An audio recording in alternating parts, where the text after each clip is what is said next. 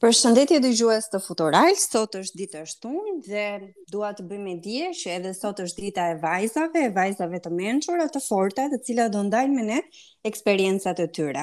Sot me mua është Anisa Seferaj, me profesion juriste, por që do na flas më pas për atë që ajo dëshiron të bëjë dhe se si është formuar profesionalisht deri në momentin që uh, ka ardhur në ditën e sotme për të ndarë eksperiencën me ne.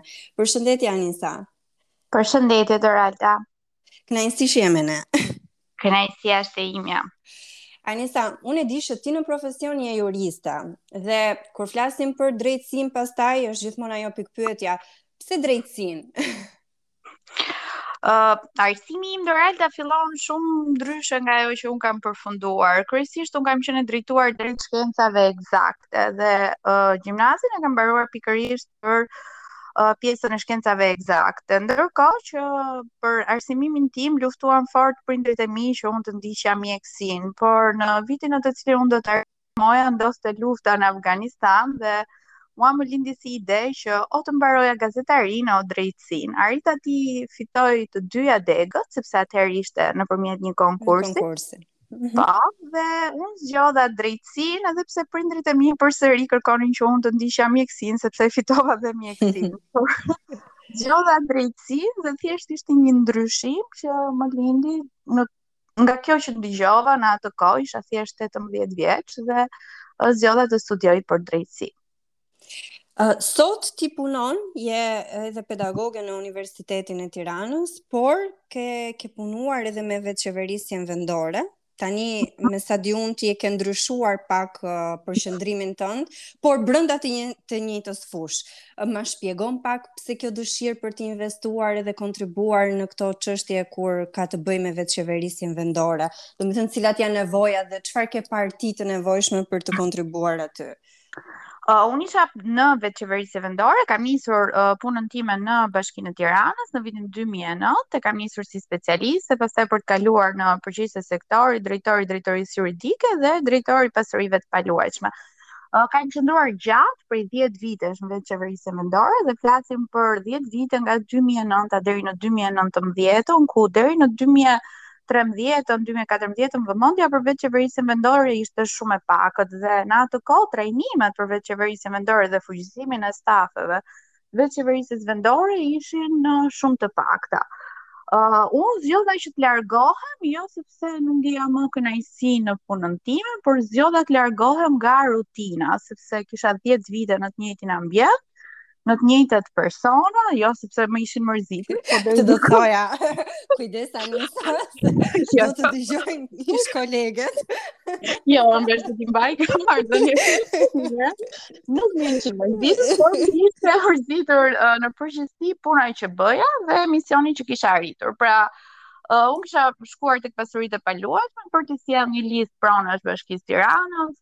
uh, arrita ta realizoj mbas 17 vitesh më në fund kishte çerdhe kopshte shkolla tashmë me certifikat pronësie, pra të gjitha objektivat që kisha i kisha realizuar dhe po kthehesha në një nëpunëse civile në thonjza rutinë mm -hmm. dhe që nuk arrija të gjeja motivim në punën që kryeja dhe kam diçka që nëse nuk më pëlqen diçka unë nuk e bëj më.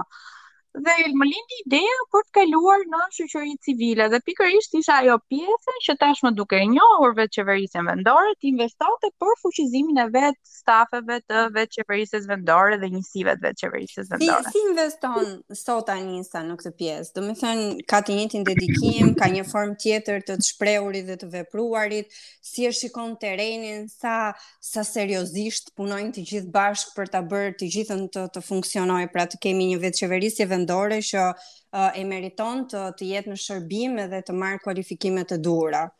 Patjetër, vetëqeverisja vendore është ajo që është më pranë qytetarëve, pra ata që punojnë çdo ditë me vetëqeverisjen vendore, duhet si fillim t'i njohin qytetarët në cilën punojnë dhe t'i respektojnë uh, maksimalisht. Në fund të ditës ata që punojnë në vetëqeverisje vendore, pikë së pari janë qytetarë vetë dhe më pas janë punonjës të administratës vendore. Uh, sot unë uh, kam kënaqësi të trajnoj stafet e vetëqeverisjes vendore. Uh, kryesisht sot jam me syrin më kritik, po kjo më ka uh, karakterizuar dhe gjatë 10 viteve në uh, bashkinë e Tiranës, pra uh, gjeja kritika dhe ndaj punës time, po dhe ndaj vetë uh, bashkisë Tiranë.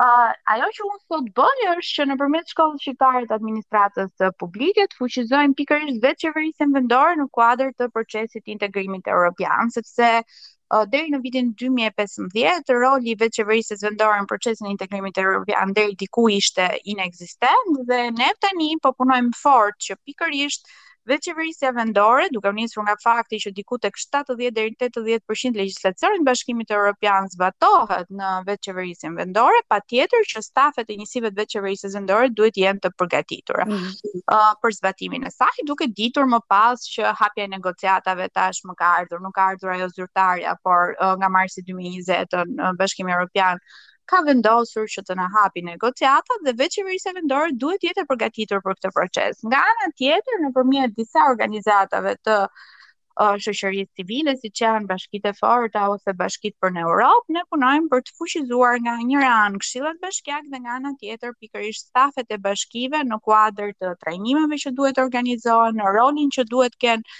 trajnimet, workshopet, aftësimi profesional i stafeve të bashkive. Anisa, ke ti një projekt që e ke më për zemër ose disa projekte që ndoshta nuk lidhen drejtpërdrejt me vetë qeverisjen vendore, por që të punosh me një kategori të caktuar apo me njerëz të cilët kanë nevojë për të për të ndarë me ty eksperiencat, ty të bën të të ndihesh mirë.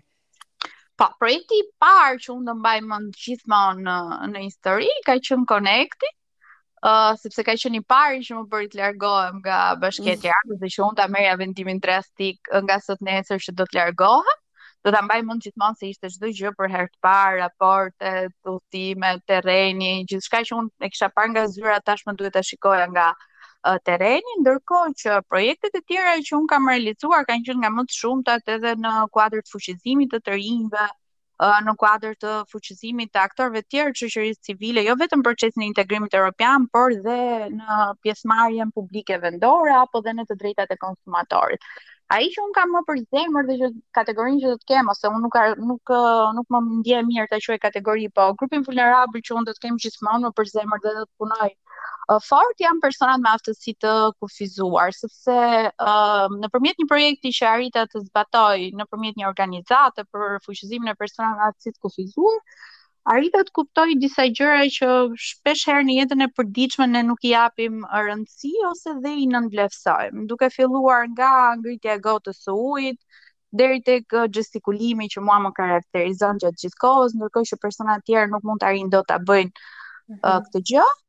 Apo dhe justifikimet që ne i gjejmë për të mos i realizuar gjërat, ndërkohë që persona me aftësi të kufizuar gjejnë një forcë shumë të madhe dhe në momentet më të vështira për t'i realizuar dhe në pamundësitë që i karakterizojnë dhe në infrastrukturën që i karakterizon ata sot në Shqipëri, ku vështirësitë janë nga më të mëdhajat. E kuptoj.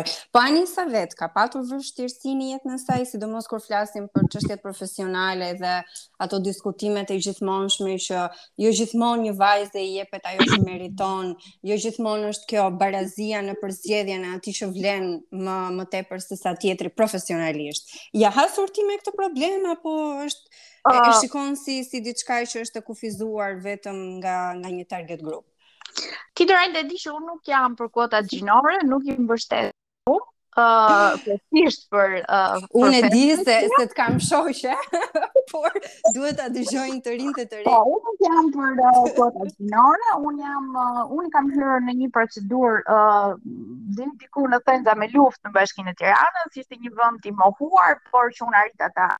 ta fitoj kra vendosjes time, vendet nuk i kam përfituar siç mund të mendojnë të gjitha se pozicionet në bashki nuk mund të nuk i kam përfituar as falë njohjes, as falë ndikimit, Uh, madje në shumicën e rasteve, pothuajse në të tre rastet, ngritjet në detyrë, unë i kam marrë si rezultat i propozimit të eprorëve pra nëse uh, unë do të pranoja që të vendosesha në pozicion drejtues. Me thënë të drejtën nuk e kam ndjerë klimën e paragjykimit që unë jam femër dhe nuk mund të jem në pozicione drejtuese duke nisur dhe nga fakti që kryesisht në bashkinë e Tiranës pjesa më e madhe e pozicioneve drejtuese mbaheshin nga uh, nga femrat dhe kjo klimë karakterizonte uh, të gjithë institucionin. Por edhe në vendet e tjera Nuk e kam ndjerë personalisht unë, kam parë raste ku uh, mund të jenë vendosur në pozicione drejtuese, uh, gratë mund të jenë vendosur në pozicione shumë të larta drejtuese, por kam parë paragjykimin e atyre që mund të ishin përballë këtyre mm -hmm. uh, drejtueseve, duke thënë që është deri diku është një femër, është një grua, nuk di ta realizojë dhe nuk di ta bëjë. Ndërkohë që situata është totalisht ndryshe. Gratë arrijnë që t'ia dalin, gratë arrijnë që të motivojnë të tjerët, sepse në fund të ditës një lider ose një drejtues duhet të motivojë vartësit e tij dhe mua kjo më karakterizonte gjatë gjithë kohës kryesisht të rinjtë, që tentojnë të futen në administratë publike. Dhe ajo që është kryesorja, ne duhet t'i motivojmë kur jemi në pozicione drejtuese, për t'u për t'u udhëhequr nga parimet dhe për të respektuar gjithmonë legjislacionin në fuqi. Pra këto duhet të jenë dy drejtimet kryesore që duhet t'u mësohen të rinjve sot, jo vetëm në administratën publike, por në çdo profesion ku ata vendosin që të zhvillojnë karrierën e tyre. Ku ndihet më mirë Anisa, si pjesë e shoqërisë civile apo pjesë e punës në shtet, në administratë? Domethënë na thuaj nga një sekret të vogël për secilën. Uh, unë ndihesha shumë mirë në punën në administratë, nëse do të kisha arritur të gjeja motivimin, pra për klimën, për ambientin, për mjedisin në të cilën unë punoja dhe njerëzit që më shoqëronin në punë, uh, do ta kisha vazhduar karrierën time në administratë, jo në pozicione më të larta se drejtor, pra drejtor i përgjithshëm e kështu me radhë, por do ta kisha vazhduar nëse do arrija të gjeja një motivim Kryesisht në fokusin e ndryshimit, pra çfarë mund t'i sillja unë ndryshim Tiranës, drejtorisë ku unë punoja, por edhe në motivimin e, e stafit që unë kisha, sepse në momentin kur ti nuk ke motivim vetë, nuk e përcjell dot uh, as tek të tjerët. Uh, është e bukur puna në administratë, sepse ty të mëson uh, nga aja deri tek zhëja dhe kryesisht në vetëqeverisje vendore, sepse është shumë për një rrisë, është shumë e gjerë, sepse përballet me një sërë legjislacionesh dhe nëse ti e bën si duhet punën, patjetër që do dalësh një jurist i aftë që mund më pas të përballesh me çfarëdo lloj profesioni ose çfarëdo lloj angazhimi tjetër që ti merr. Është e bukur në shoqëri civile, se mund, sepse ti ndan uh, aftësitë tua, ndan eksperiencën tënde, ekspertizën tënde, por nga ana tjetër deri diku të tua, vendos ti për uh, angazhimet që merr për sipër dhe deri diku uh, mua më pëlqen uh, pavarësia, që do të thotë uh, vendos unë nëse një projekt ta realizoj apo jo dhe nëse ky bie ndesh me parimet e mia ose unë ndihem më pas për ta realizuar, nuk e marr për sipër. Pra, uh, jo thjesht motivimi nuk janë sot vetëm të ardhurat, por duhet të ndjehesh mirë në punën që ti bën. E drejtë. Uh, gjithashtu, e përmenda pak më përpara, Anisa, që ti jep edhe mësim në Universitetin e Tiranës. Uh mhm. -huh. uh, si e shikon ti sot klimën mes të rinjve, dëshirën për të studiuar drejtësinë, um, a ka ikur ky trend i modës, pra dua të jemi uh mhm. -huh. jurist, juriste, se kështu duan dhe dhe sa efektive të duket kjo ty sot tek të rinjtë? Kur unë kam mbaruar fakultetin, një profesor i imi, një pedagogu im i fakultetit të drejtësisë, më thoshte gjithmonë që ky do jetë brezi i fundit i drejtësisë, brezi i fundit i drejtësisë, sepse mbas jush uh, do të ndryshojnë shumë gjëra. Dhe ishte e vërtetë, sot që unë e shikoj në fakultet, edhe pse unë kam filluar uh, vonë mësimdhënien, kjo është për shkak të bindjeve të mia, që duhet të kisha një eksperiencë të caktuar dhe më pas të hyja në fakultet, sepse më dukej uh, që nuk mund të angazhohesha sepse nuk kisha çfarë eksperience të ndaja me studentët e mi nga ana profesionale flasim. Mm -hmm. uh, gjithmonë. Uh, unë them që sot trendi ka ndryshuar, nuk është më fakulteti i drejtësisë, unë gjithmonë kur e filloj uh, sezonin ose kur fillojmë uh, semestrin, gjithmonë i pyes nëse kanë dashur të studiojnë drejtësi apo kanë dashur të studiojnë uh, një degë tjetër. Dhe fatkeqësisht uh, fakulteti i drejtësisë ose dhe fatmirësisht se ne kemi prodhuar shumë juristë mm -hmm. aktualisht, uh, është diku në fund fund të listës ose janë futur në fakultetin e drejtësisë sepse nuk kanë uh, arritur të marrin uh, trendin e momentit që është mjekësia dhe inxhinieria, por uh, besoj dhe fatkeqësisht kjo dhe nga uh, shumë projekte të ndjekura me fuqizimin e të rinjve zgjedhin mjekësinë dhe inxhinierinë për largimin jashtë vendit pra për Gjermaninë që më pas pas këtij përfundimi pra të mjekësisë dhe inxhinierisë t'i drejtohen uh, Gjermanisë për emigrimin. Pra ti ti po na thua, nuk e di nëse e kuptova drejt që dëshira për të studiuar drejtësinë është zbehur dhe fakulteti po. frekuentohet nga të rinj që nuk e kanë më dëshirë parësore. Po. Ok, kjo është gjë. Jo, nga një anë është mirë se ne kemi prodhuar shumë juristë. Mos e thuaj. Anisa, po përveç përveç punës edhe përveç uh, profesionit, eksperiencës që ti ke uh, me shoqërinë civile, administratës, po ti je edhe një vajzë e re që ke qejf që të argëtohesh, të bësh hobit e mhm. tua, si e shpenzon kohën? Çfarë bën Anisa? Ça e përmbush Anisën? Unë uh, nuk do të them uh, udhëtimet, nuk do të them Sapo e uh, the? nuk do të them blerjes, nuk do të them daljes, por unë do të them që prej 10 vitesh kam një pasion të pazëvendësueshëm, që janë uh, niprit e mi, që aktualisht janë bërë tre. Mm -hmm. uh, një ndër pasionet e mia që unë shpenzoj kohën uh, me shumë kënaqësi, jam nga ato që quhen hallat e devotshme.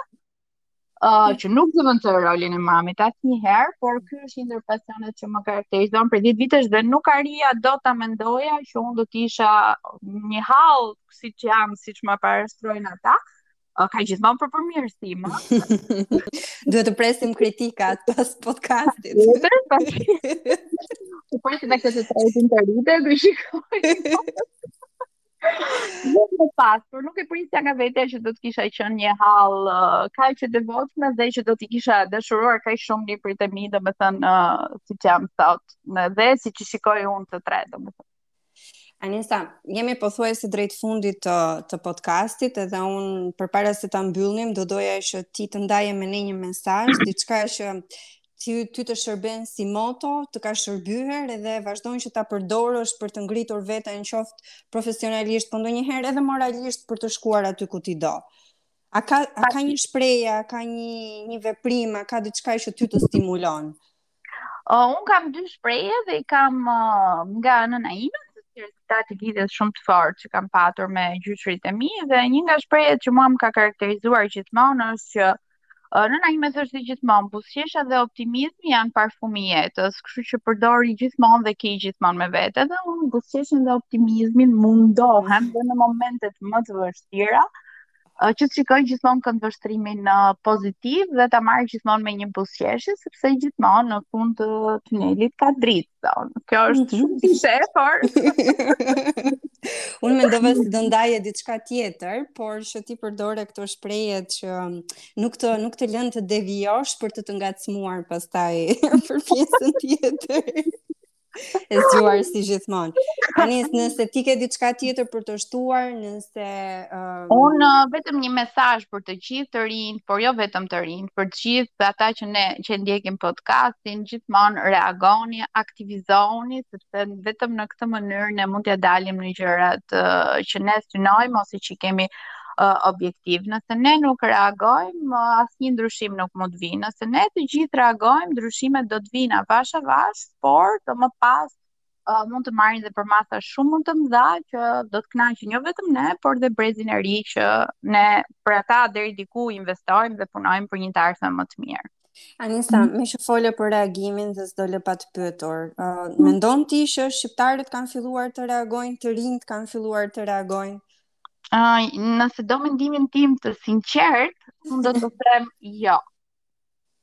Pse? Uh, përderisa unë do të shikoj uh, punonjës në administratë, le të marrim në administratë dhe nuk flas uh, për fakultetin se deri diku 18 deri 22 ne duhet të investojmë që t'i formojmë ata.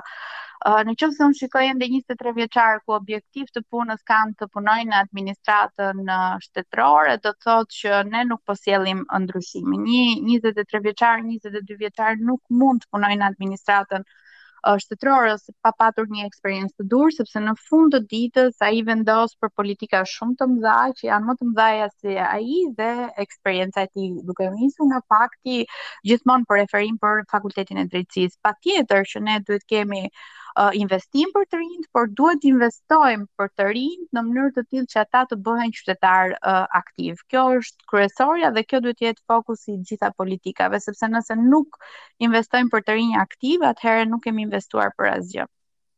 Anisa, unë të falenderoj që ishe me Futural, të falenderoj për kohën, mesazhet dhe çdo çdo kontribut tëndin. Është një kënaqësi për mua. Dëgjues të Futural, takohemi përsëri ditën e mërkurë.